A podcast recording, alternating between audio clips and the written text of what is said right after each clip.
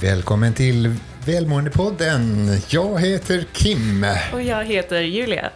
Och idag firar vi, för att det är inte vilken dag som helst, utan eh, det här är ju vårt avsnitt 100. Ja, det är ju fantastiskt. 100 avsnitt. Otroligt verkligen. Så det, det är nästan värt att liksom få in sina jubel.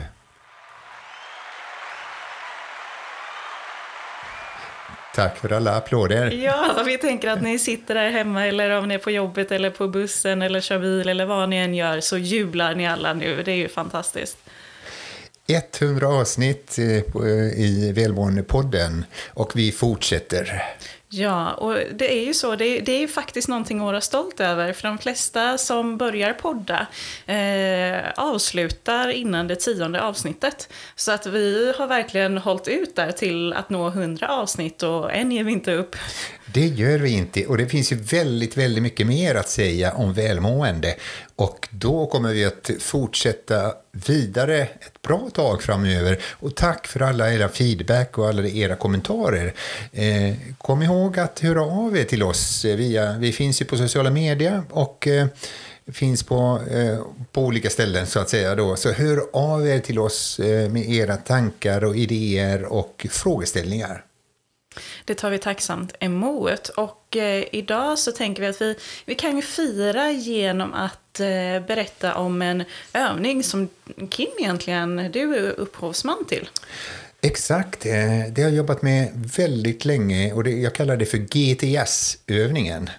Eh, GTS, det handlar inte om någon sorts bilmodell som, som, som det kan eh, man kan referera till då i de här gamla bilarna, GTS, då är det något speciellt. Eh, utan GTS, eh, de står för glad, tacksam och stolt. Det är tre olika områden eh, som vi bör fokusera på, helst dagligen, för att höja upp välmåendet och få vår hjärna och hjärta att arbeta på ett bättre sätt. Ja, så glad, tacksam och stolt. Och de här frågorna kan man ju ställa sig eh, dagligen och verkligen fundera över. Och vi har ju landat lite här i eh, Välmåendepodden om att man behöver ta sig tid till, till att reflektera. Eh, och Eh, man kan sätta sig ner strukturerat eller tänka fritt. Men eh, för att få en liten hjälp på vägen då och ha frågeställningar med sig som faktiskt har en boost i välmåendet så är ju GTS ett väldigt bra och effektivt sätt att utgå från när man väl reflekterar. Och det är ju då eh, någonting som är lätt att komma ihåg. När man bara nämner GTS så är det lättare att komma ihåg och då, då är det lättare att komma ihåg vad det handlar om. Det första eh, bokstaven G står för glad. Och det är ju givetvis, eh, ju mer gladare vi är, desto mer känner vi oss eh, hemma i, i tacksamheten och välmåendet och så vidare. Och liksom, så att, eh, men det är, det är inte alltid man tänker på att eh, det kan man boosta upp själv. Rätt ofta tänker vi att glädje är någonting som kommer utifrån. Om någon bara gör mig glad, eller om någon får mig att, att le, eller om någon får mig att, att må bättre, så då blir min dag bra. Men att hitta och jobba metodiskt med glädjen, eh, det är någonting som man kan göra. Ja, så glädje det är ju en känsla då som vi upplever. Eh, och många tänker då, men eh, varför är det ens viktigt? Eh, är det någonting, för vi pratar ju mycket om välmående, att man ska acceptera sina jobbiga känslor och så, men vad är egentligen syftet med glädje? Vad, vad vinner vi på det? Jo, och det är, det är ju så att eh, människor som eh, gör vad de kan för att uppleva glädje, de har också en större chans att faktiskt agera mer hälsosamt. De tar hand om sina relationer och eh, har större chans att gå in i de här mer meningsfulla och djupa samtalen. Man lever längre har man sett i studier att eh, människor som upplever mycket glädje har en längre livslängd. Och man blir mer kreativ och och eh, skapar ett mer meningsfullt liv. Så att även om vårt huvudmål inte ska vara att vi ständigt ska vara glada så behöver vi ändå, det finns liksom ett stort värde i att faktiskt agera för att göra plats för glädje eh, i så hög utsträckning som möjligt. Så målet är inte att bort med alla jobbiga känslor, men målet är att öppna upp för den glädjen som faktiskt finns hos oss alla, i allas liv på något sätt och det, det, handlar inte om att man går där och, och, och gapskrattar från, dagen, från, från när dagen börjar till dagen tar slut. Då. Man blir bara i irritationsmoment för alla andra. Eh, men det handlar om egentligen rätt mycket den där djupare glädjen som finns där. Man behöver inte vara den här checka människan som ställer sig på bordet direkt och börjar då både dansa och berätta massa roliga historier. Utan, och det handlar inte om heller något som ofta man kallar för eh, skadeglädje. Att man skrattar åt någon annan människans eh, eh, olycka. Det, gör, det är inte samma verkan för hjärnan, även om vi kan eh, se olika humoristiska saker. Men vad är det som får dig att le? Vad är det för saker som får dig att le på riktigt? Alltså, eh, och då pratar jag om det äkta leendet. Eh, och det kan man ju, ibland så kan vi ha ett falskt leende som vissa, många studier visar då att det blir ett mot, motsatt effekt då när vi låtsas vara glada. Men det äkta leendet som också kan kan ofta syn, syns i, i, i ansiktet då, när hela ansiktet ler då, liksom när e-, även ögonmusklerna är, är då eh, involverade. Och då, då är det frågan, vad är det? Vilka saker gör dig glad? Och rätt ofta är det ofta rörelse som gör oss glada. Vi kan vara eh, i andra sällskap som, som, som tycker att det, det här är jätteroligt. Eh, människor som, som är också glada. Och också, det kan handla om att man tittar på någon rolig film eller någonting annat, lyssnar på någon rolig, roliga, intressanta saker som får en att le. Och det i sin tur är väldigt nyttigt för din hjärna. För att det breddar ditt perspektiv och också du vågar ta mer risker. Och eh, som Julia nämnde då, liksom, det finns många hälsoeffekter av glädjen. Inte bara glädjen i sig, utan det påverkar hela vår kropp. Och du kan ju tänka dig att du möter en person på gatan. Då ser du direkt kanske på kroppsspråket om det är en person som just nu är väldigt nedstämd eller om det är en person som precis fått en väldigt god nyhet. Eh, och det är ju så att den som har fått den goda nyheten och är extra glad som att gå där och möta dig på gatan, då är det väldigt stor chans att den personen faktiskt ler och hälsar mot dig. Eh, så att det är ju någonting, vi, som vi säger, det breddar vårt perspektiv men det breddar också vårt beteende och eh, vi öppnar öppnar upp för andra och öppnar upp för fler möjligheter. Så det finns också ett stort värde i att göra vad man kan för att uppleva glädje även under tuffa perioder i livet. Så göra vad man kan för att uppleva glädje, det vill jag att eh, du ska ta med dig. Och jag säger inte att det här bara är någonting som man gör hipp som happ, att det är väldigt lätt. Och då är det en bra start att faktiskt fundera över och notera, men vad är det egentligen som gör mig glad? Och ibland så får vi lura vår hjärna för att eh, när vi är långt nere och så vidare. Eh, och, eh, men eh, eh, häromdagen så skrev jag på sociala medier just detta att innan du går ut, då, så då, ta några danssteg innan du går ut ifrån huset eller lägenheten och, och känn hur det känns. Eh, Rätt ofta kan vi lura hjärnan. Tänk nu är det lite smådeppig. Det handlar inte om den här djupare depressionen, utan du är bara lite tänker på att ah, det här är jobbigt eller det här är inte roligt och så vidare. Då. Och sjung då Här kommer Pippi Långstrump och eh, dansa till den sången. Får du känna liksom att äh, men det här är, om inte annat så, så känns det helt, helt knäppt. Och då skrattar du åt det. Och det höjer din glädjenivå. Ja, och det tas faktiskt nästan in på nästa del i GTS och det är ju T, vilket står för tacksamhet. Och det är ju så att när vi inser att vi har saker att vara glada över, då vet vi att vi även har saker att vara tacksamma för. Och det intressanta är då liksom när, när, man tittar på hur, hur vi fungerar och, och glädjen höjer dopaminet och, och, så tacksamheten, både dopaminet och serotonin i, i, i hjärnan. Eh, det är ju Eh, jag läste någon artikel som Time Magazine eh, skrev eh, utifrån neurovetenskap och det stod ju då att en av de viktigaste frågorna du kan ställa till dig själv i svåra stunder, det är vad är jag tacksam för? Då börjar din hjärna jobba på ett annat sätt och verkligen hjälper dig att komma upp ifrån den här gropen när du verkligen kan uppbringa tacksamhet inom dig själv. Och det handlar om bara även i vardagen, mitt i vardagen, börja tänka liksom, vilka saker är jag tacksam för? Det börjar jag varje dag eh, med mina, de här GDS-frågorna och så när jag vaknar på morgonen så funderar på vad är jag tacksam för? Och det fina med tacksamhet, eh, det det, det är att man kan definiera det som två olika saker. Det ena är att det är en känsla vi upplever, att vi upplever oss tacksamma just nu.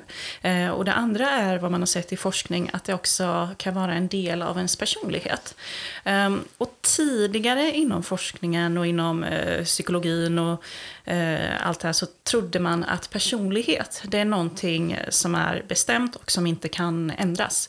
Eh, Medan man nu säger att jo, men det, det kan visst eh, ändras till viss del. Det kanske inte sker en helomvändning om man inte har fått en hjärnskada eller någonting. Eh, kanske vi ska ta upp i ett annat avsnitt hur det funkar. Eh, men det kan skifta till viss del och mycket av den skiftningen kan ha att göra med hur du väljer att agera och vad du väljer att fokusera på. Så att även om tacksamhet kan vara en tillfällig känsla så kan du genom träning också få det som en del av din styrka, som en del av din personlighet. Någonting som du gör så att du verkligen blir riktigt, riktigt bra på att uppleva tacksamhet. Vilket då är gynnsamt både för dig men också för din omgivning. Ja, och det finns ju också studier om att när man börjar skriva tacksamhetsdagbok så efterhand så höjer din, din nivå av lycka rätt så markant. Eh, när du, och, och, när du börjar med det och så skriva ner, som vi pratar om glädjen först, då, liksom, det är ju inte alltid, det, det är bara sådana spo, rätt ofta spontant och känslouttryck eh, och också det som är, som är smittsamt, det smittar till alla andra. Tacksamhet är mer eh, fokuserat på, på sig själv, men också då att visa tacksamhet för någon annan. Och det handlar lite mer om eh, meditativ eh, eh övning och du kan märka om du börjar skriva tacksamhetsdagbok. Vi kommer att ut med en, med en bok eh, under våren här då, som du kan köpa som handlar om dina mål och, och din tacksam, tacksamhet. Så kan det vara att i början blir det väldigt, väldigt svårt. Men ju mer du boostar upp det, ju mer du tränar på det och tänker på vad du är tacksam för, så, så, eh, så ökar din emotionella kompetens. Och ju mer din emotionella kompetens ökar, så är det mycket lättare också att bli tacksam. Det är väldigt häftigt. Verkligen, det är det. Och om vi tar den sista då, S.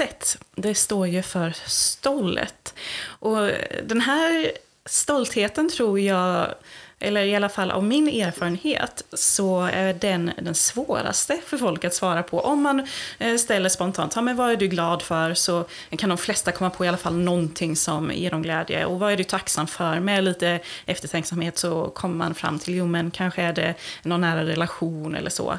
Men det här med, ja, men vad är du stolt över? Då blir det direkt så här, men ska jag vara stolt? Och det kanske är extra svårt i ett land som Sverige där vi har den här jantelagen och man ska inte tro sig vara bättre än någon annan annan.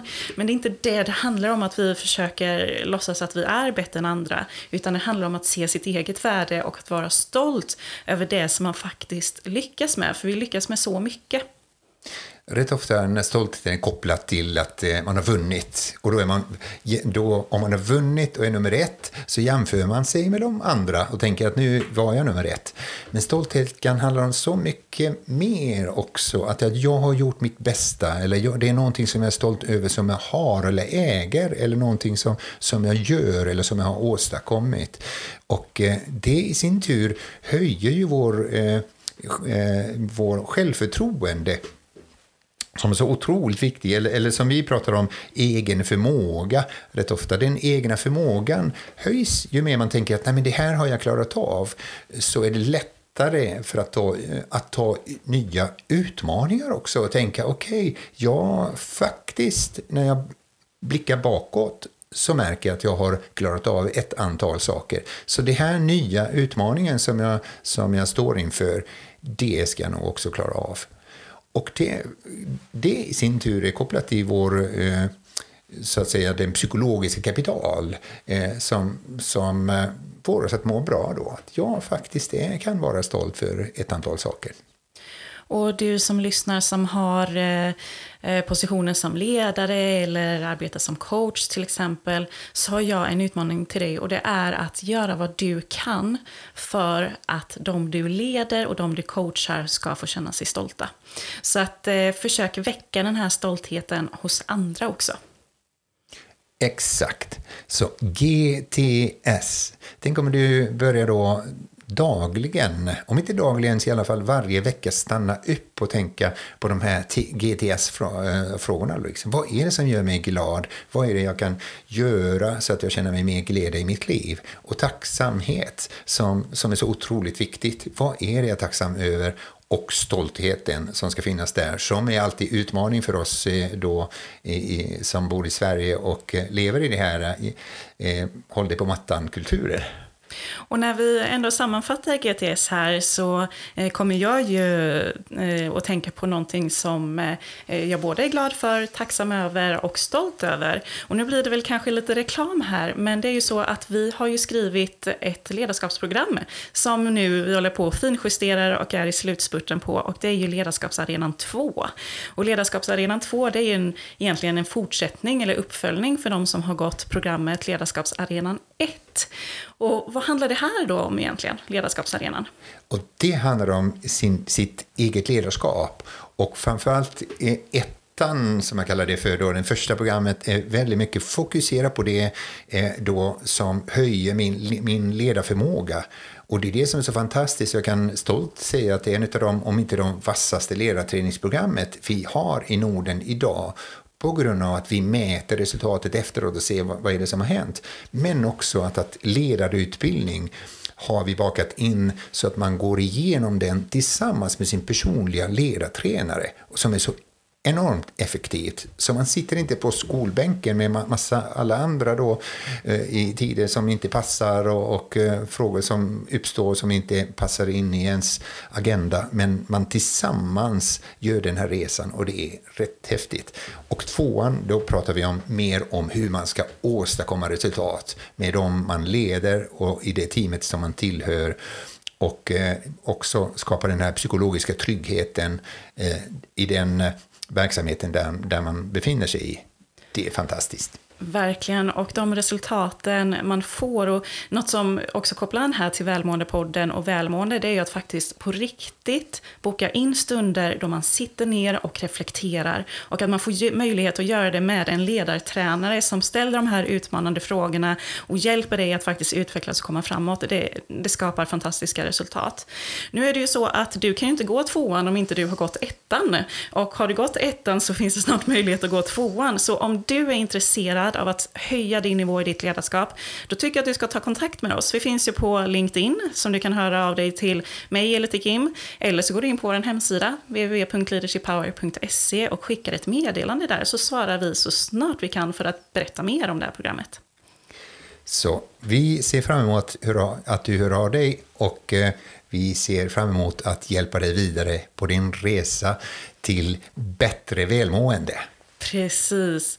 Stort tack för att du lyssnar på Välmåendepodden och tack för att du har hängt med i det här hundrade avsnittet.